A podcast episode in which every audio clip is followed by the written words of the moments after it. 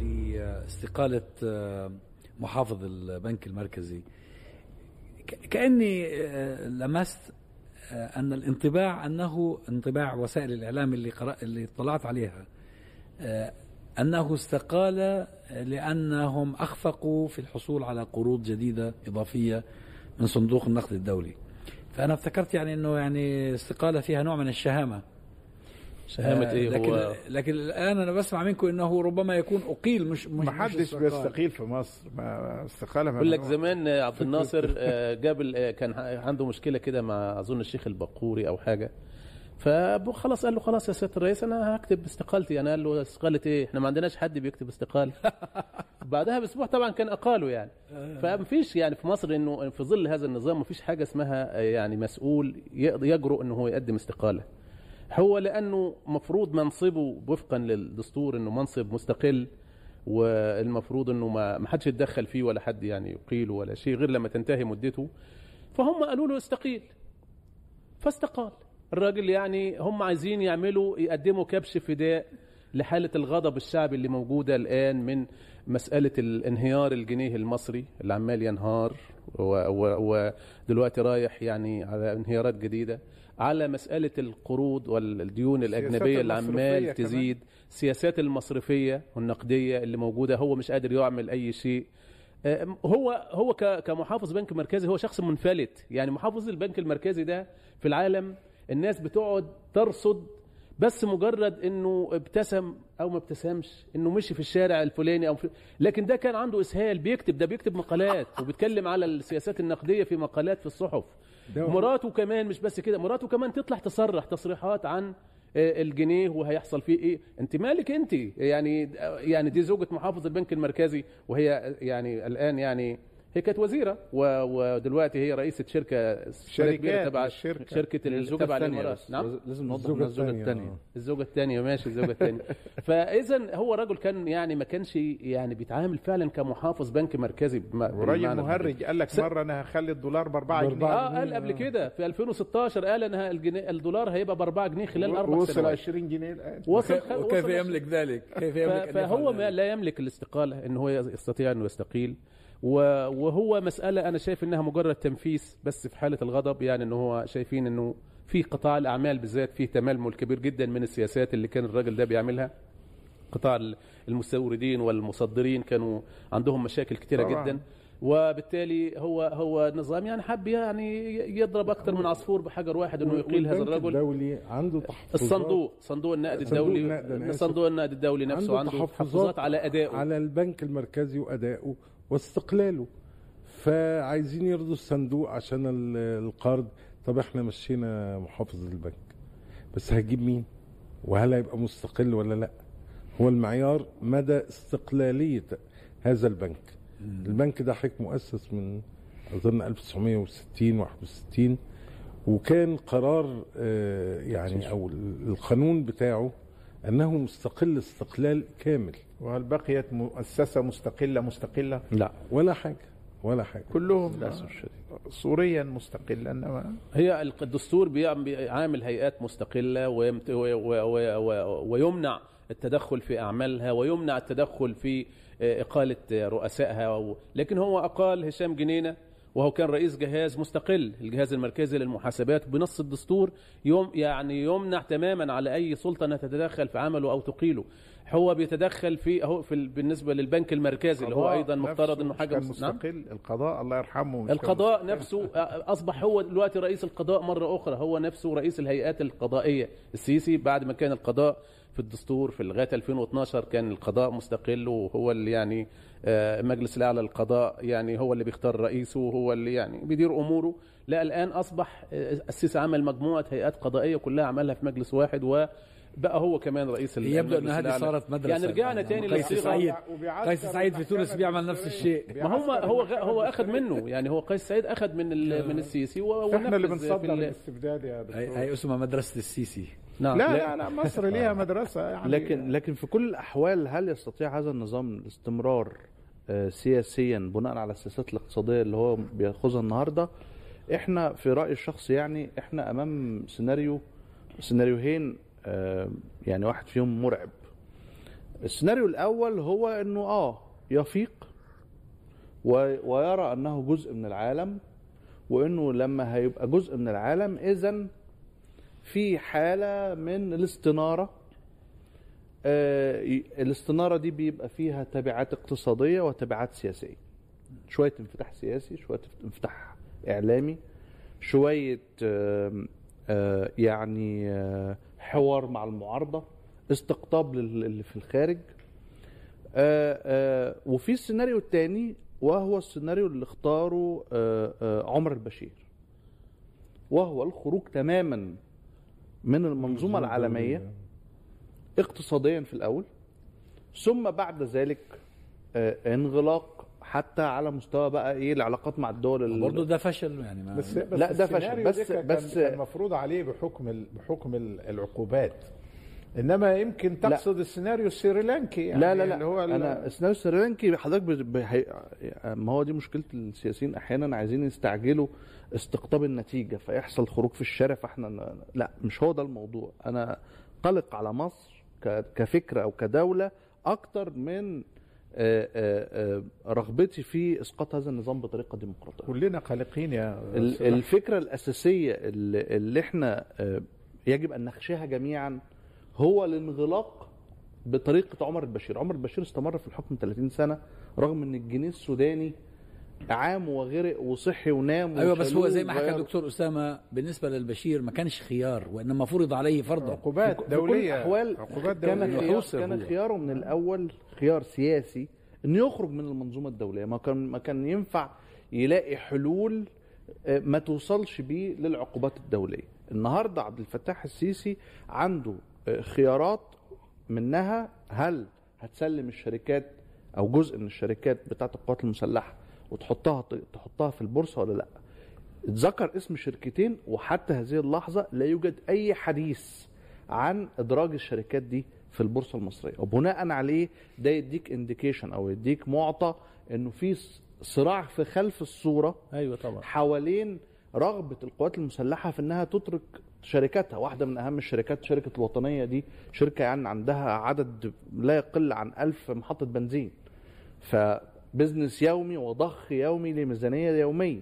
ايا كان سعر البنزين مرتفع أو منخفض الناس دي بتستفيد بشكل يومي خصوصا إن العمالة بتاعتها بتيجي من المجندين وبتتعامل مع كل محطة بنزين من دول إنها وحدة عسكرية. حتى يعني هم لا يخفوا إن هم بينشروا مسؤول الوحدة العسكرية أو مسؤول محطة البنزين رتبته واسمه لو احتاج الأمر من راجل زي حضرتك أو زي حضرتك داخل يمون فحصل مشكلة إنه يتواصل مع ال... بي- بيعتبرها وحدة إنتاجية. بيحول الوحدة العسكرية لوحدة إنتاجية تعمل له تدفق مالي يومي.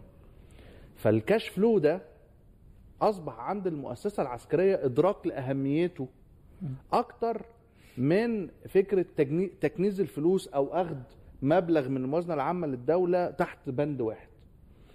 ودي فكرة بالمناسبة اقتصاديا مغرية جدا إنك طبعا. أنت مش مهم أنت معاك كام بس مهم أنت بيجي لك كام كل يوم.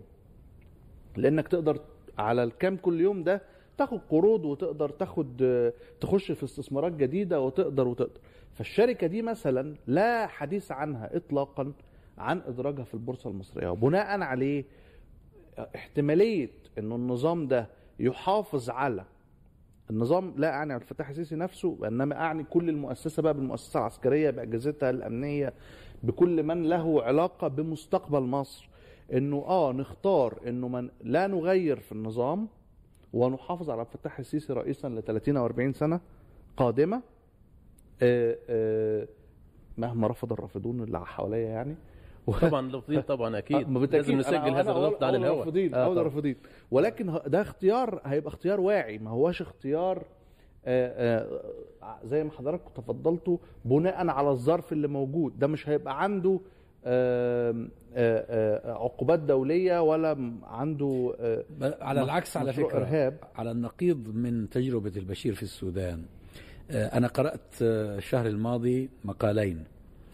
الأول يتكلم عن لماذا ليس من مصلحة الغرب الضغط على صحيح. نظام السيسي آه، لكي أو أو ممارسة ضغوط كبيرة عليه لأنهم هم يرون أن البديل أسوأ بالنسبة لهم هم هكذا يعني هم بيحسبوها بالنسبة هذه النظرية الصهيونية هم هم بيحسبوها بهذا الشكل هذه هي النظرية المقال الصهيونية. الثاني اللي قرأته أنا بيتكلم عن صفقات السلاح الرهيبة اللي بيبرمها السيسي مع دول أوروبية إيطاليا إسبانيا بريطانيا فرنسا آه، روسيا أمريكا بيشتري سلاح منهم آه، أشبه ما يكون بالرشوة هي رشوة هي بالفعل. إحنا بقينا شراء الدولة مواقف، الثالثه شراء ثالث دعم دولة سياسي يعني. ثالث دولة وهو مش محتاج. السلاح هو هو مش هو محتاج الدعم. السياسي من هذه أي نعم. الدول بس خليني أقول لك يا بس دكتور هذا لم ينقذ القذافي يعني القذافي كان بيستخدم نفس. التكنيك ده أنا أتذكر إن أنا بعد بعد سقوط القذافي قابلت مجموعة من المجموعة اللي اشتغلت على تفكيك النظام فكانوا هم ال- المدنيين اللي جلسوا جلسات مع مدير مخابرات القذافي موسى مش موسى متذكر كوسة. عبد الله عبد الله موسى كان- اسمه إيه؟ كان عبد الله موسى. السنوسي عبد الله السنوسي عبد الله السنوسي أو حاجة آه، موسى آه، عبد الله السنوسي فناقشوه في الميزانيات اللي لقوها ولقوا إنه في مثلا صفقات سلاح بتصل مثلا لمليون دولار لدولة مثلا بيلاروسيا ومش فيعني إيه المنطق في إنك بتشتري مثلا خمس- 15 مليون بندقية آلية في دولة عدد سكانها لا يزيد عن 4 مليون؟ صحيح. فقال لهم الفكرة اللي حضرتك بتقولها إن ده نوع من الرشاوى لتذليل صحيح. آه، قضايا سياسية. لكن ما صمتش النظام ده والعالم لا يتحمل قذافي في القاهرة. يتحمل قذافي في طرابلس آه. لكن العالم الغربي ده اللي المسافة ما بس بين هم مش شايفينه قذافي برضه خلي المس- بالك المسافة ما بين رشيد و- وجزر اليونان آه، آه، هي إبحار يوم ونص بأي مركب أيا كانت وسيلة آه، نقله يعني لا يتحمل وجود هذا الرئيس بس الفكرة- هي المقارنات برضو بعض أوقات يعني إحنا يعني أنا ألتمس الحذر في المقارنات أنا عايز بس أعمل بس آه،. للفكره آه. الفكرة الأساسية هو إزاي المعارضة تصبح مطمئنة للمتدخلين خارجيا سواء دائنين في لحظة من اللحظات أو آه، لاعبين سياسيين عايزين يضمنوا أمنهم واستقرارهم عبر إبعاد المواطنين المصريين اللي هيخرجوا من هذا الجحيم إلى أراضيهم أو شواطئهم. إحنا دورنا هنا دور هام جدا جدا في صياغة استراتيجية وإيجاد وسائل للاتصال والتواصل لإيصال هذه الاستراتيجية. هو هو هنا يا دكتور لو. سمحت لي في حتة صغيرة بس كمال الكلام أستاذ أحمد ورد على أو تعليق على اللي حضرتك قلته حكاية الخوف الغربي من البديل المحتمل. إحنا ك يعني نقدر نقول كمعارضة عملنا في خطوتين انعملوا. خطوة من المعارضة اللي موجودة في الخارج يعني اللي هي حصلت في الحوار الشعبي اللي هو آه، أحد أهدافه الرئيسية اللي حضرتك سألت عن الأهداف الرئيسية هو محاولة تقديم بديل وطني آمن. إنه بديل لديه سياسات أيضا بديلة ولديه يعني حلول لل يعني أو على الأقل يعني أفكار أساسية للتعامل مع ال- ال- المشاكل الكبرى اللي بتواجهها مصر. الخطوة الثانية الحقيقة قدمتها أكبر جماعة اللي هي جماعة الإخوان المسلمين اللي هي بإعلانها عن إنها آه، يعني ستعتزل ال- ال- ال- المنافسة السياسية. الخطوتين دول كانوا في إطار إزالة هذه الألغام اللي هو أو الفزاعات اللي النظام نفسه نجح في إنه يستخدمها على مدار التسع إنه سنين؟ ال- فكرة إنه في الب... ال... إنه أنا أو البديل ال- ال- المخيف. أيوه بس هل هل تظن يعني أنا ما- أدري إذا أنتم كنتوا بتتابعوا أو لا. يعني هل تظن أن هذه المبادرات آه، كانت كان لا ع- وجدت صدى لدى لدى الغرب آه، الذي يدعم هذا النظام أو على الأقل ال- المتمسك بهذا النظام؟ يعني كون الإخوان يعطوا تطمينات إنه إحنا مش حننافس. أو كون المعارضة تقول آه، نحن يمكن أن نكون بديل أفضل ومصالحكم لن تتهدد. أنا بتهيألي ان الحكومات الغربية لا تعمل بهذا الشكل. صحيح. لا هي لا، هي محتاجة طبعاً إلى هي الفكرة محتاجة إلى قدر أكبر من العمل عليها صحيح. ل- لتوضيحها. وهي الحقيقة هي لم تكن يعني ب- يعني تصريحات يعني ب- إحنا محتاجين نصدر أوراق نصدر كلام مكتوب.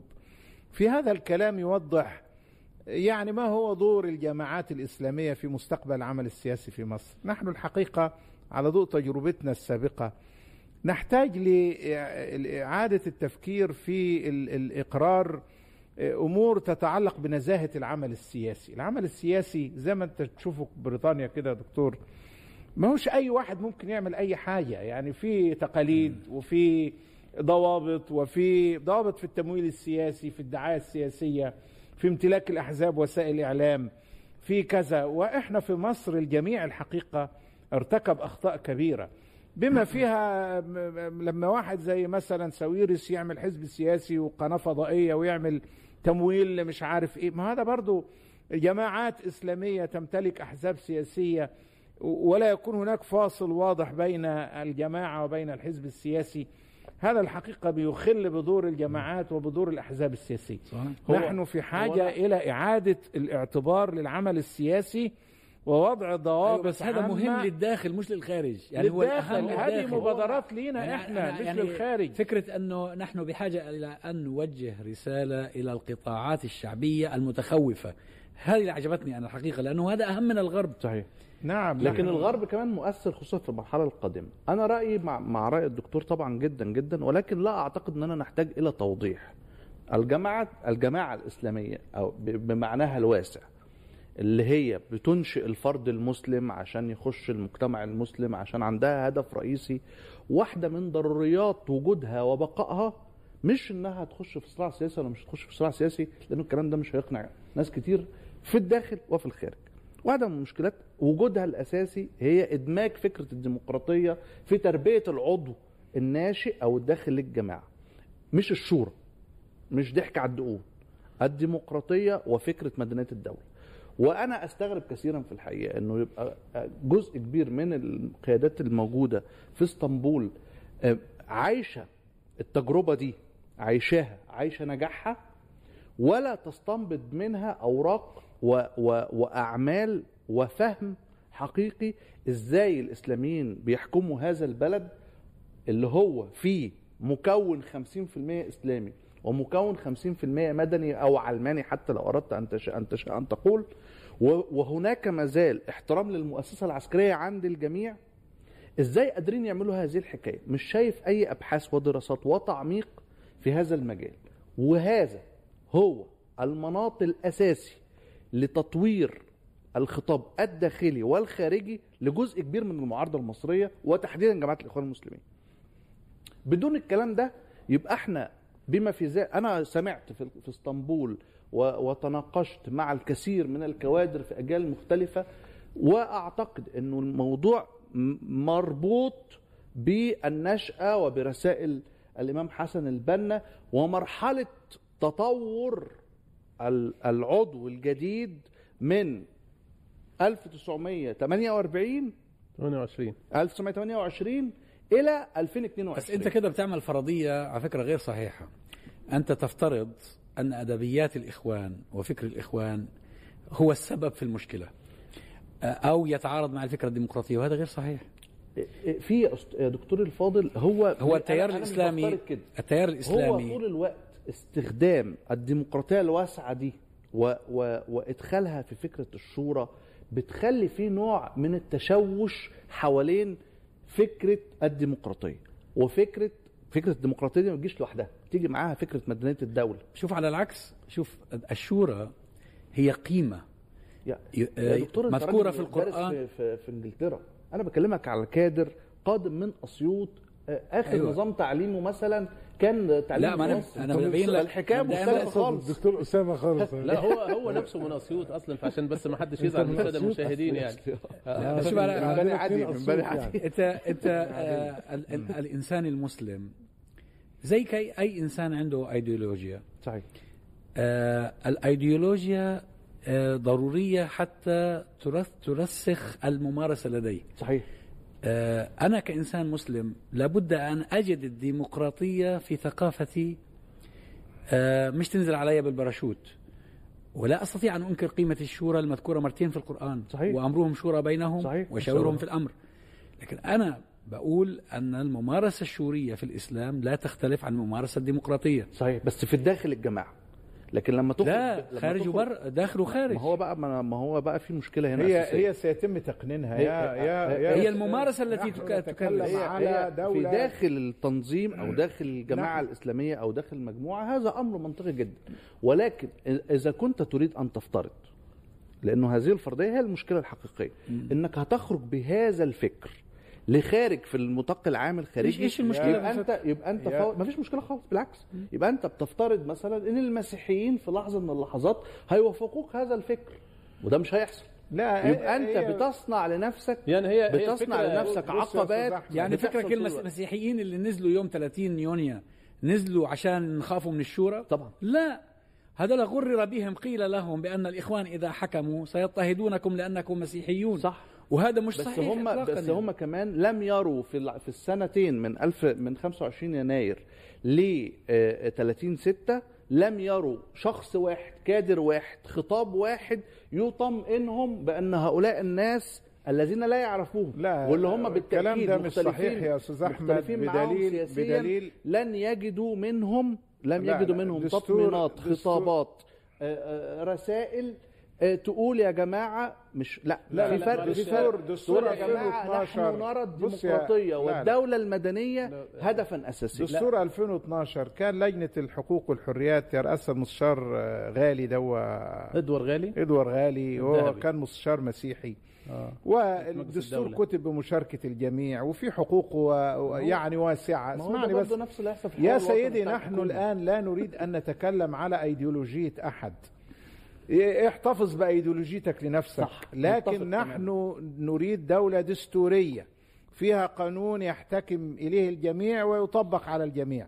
أؤمن بما تشاء لكن تعال إلى ساحة العمل العام في إطار ال- المنظومة العامة لا اختلاف على وهذا هذا. الكوكبي من ألف من أصلا هي 100 الدولة مش الدولة عارف الإسلامية في 40 تصور سنة. الإسلاميين هي دولة مدنية آه. في الإسلام لا يوجد دولة ثيوقراطية هي فكرة مسيحية أصلا طيب قال ل- و- لماذا وثيوقراطية لماذا- حصل بيحصل تطبيق في هذا في دولة زي تركيا ولا نرى لا. آثاره ما هو- لا، في. الفكر العربي كنا أو التنظيمات لذلك يا المختلفة أحمد كان بيؤسس لذلك ولكن تم الانقلاب عليه يعني انت انت تشوف دستور 2012 دستور ثيوقراطي مش مش دستور. هو طبعا الكمال لله وحده. طبعا. لكن لكن هو كان لب- لبنة وبداية لإقامة دولة دستورية فيها قانون وفيها فصل بين سلطات وفيها حقوق على فكرة مدنيه أنت ما تطالب به. سياسية أنت ما تطالب أنا به لا أطالب به أنا أعتقد أن هذه فاهم. هي الوسيلة أيوة. الوحيدة عشان نقفز شوف. على ما ما ما يحوط هذا بنا كانت من كانت مستقبل ومشاكل كانت مصر وكل دول الربيع العربي تتجه نحوه ولذلك سارعوهم بضربة قاضية لأنه لو استمرت لو التجربة نجحت الديمقراطية لو نجحت مصر لو استمرت المنطقة الديمقراطية كلها. سنة أخرى لتكرست كثير من الأمور الديمقراطية صح وكانت دول الخليج تخشى من ذلك وإسرائيل تخشى من ذلك صح. بس هم وبعض الدول الغربية بإيه؟ تخشى من ذلك ضربونا بإيه؟ ضربونا بتفسيرات متشددة لا بالأكاذيب ش- لا لا مش لا مهم لكن في النهاية صدقهم الناس وخرجوا معاهم زي ما شوف- شوف الدكتور هو-. عايز أقول لك أستاذ على حاجة يا دكتور أنا كنت وكيل الجمعيه التاسيسيه الدستور 2012 وكنت مسؤول عن لجنة اسمها لجنة الاقتراحات آه، والشكاوي والاقتراحات اللي جاية من الناس والحوار المجتمعي لجنة الاقتراحات والحوار المجتمعي. آه، قاعد في يوم بالليل بتفرج على التلفزيون فلقيت آه، طالع كان برنامج الله يرحمه وائل الابراجي طالع معاه عضو في الجمعية التاسيسيه هو الدكتور ياسر برهان أحد القيادات السلفية. وائل بيسأله بيقول حزب النور. حزب النور آه. حزب الظلام. حزب الزور. حزب الزور آه. آه، وائل بيسأله بيقول له آه، وماذا عن النص الذي يسمح بزواج القاصرات في عمر تسعة سنوات؟ وبدأ ال- الأخ آه، ياسر البرهامي يشرح إيه فلسفة النص وإن إذا كانت مطيقة أو غير مطيقة أو أو أو. أنا شكيت في نفسي. فين هو؟ فين النص؟ لا ده موجود في المشروع اللي قدامي ولا ده جالي في الاقتراحات ولا سمعت عنه. مين اللي قال الكلام ده؟ فأنا كلمت التليفون وطلبت أعمل مداخلة على الشاشة. وقلت له يا دكتور ياسر انت راجل زميلنا في الجمعية التاسيسيه من فضلك قول لي النص ده انت جبته من فين؟ أنا لا لاقيه في المشروع ولا لاقيه في ولا ناقشنا الكلام ده. لغاية النهارده بعض زملائنا وأصدقائنا من القوى الليبرالية أقول لهم يعني إيه ما أخذكم على دستور 2012 يقول الله هو في أكتر من جواز القصرات في سن تسع سنوات؟ النص أصلا لا دخل ولا خرج. واقعة تانية وأخيرة حضرتك. كنا عاملين جلسة حوار مجتمعي حول التعليم واوضاعه وكلام من ده. وجايبين عدد من رؤساء الأحزاب فكان في رئيس حزب آه، أو أحد المتنازعين على حزب الأحرار اسمه محمد فريد آه، زكريا. زكريا. فده طلع قال إيه؟ أنا شايف إن مجانية التعليم دي كذا كذا كذا. فأنا بالحس السياسي البسيط قلت إيه؟ دي منشط بكرة في الجرايد. فقمت واخد الميكروفون من على المنصة وقلت لهم يا جماعة هذا مقترح الشخص الفلاني. آه. وده رايه ولا يعبر عن رايي كنت أنا اللي بدير الجلسة. ولا يعبر عن رأي الجمعيه التاسيسيه ولن يؤخذ به مطلقا. تاني يوم لقيت جريدة الوفد تحديدا وفاكر المنشط إلغاء مجانية التعليم في الجمعيه التاسيسيه يا سلام. فالحقيقة يا جماعة هو في حالة ترصد وحالة نعم. تصيد. تصيد. تصيد. وخلط بين الكلام السلفي على الكلام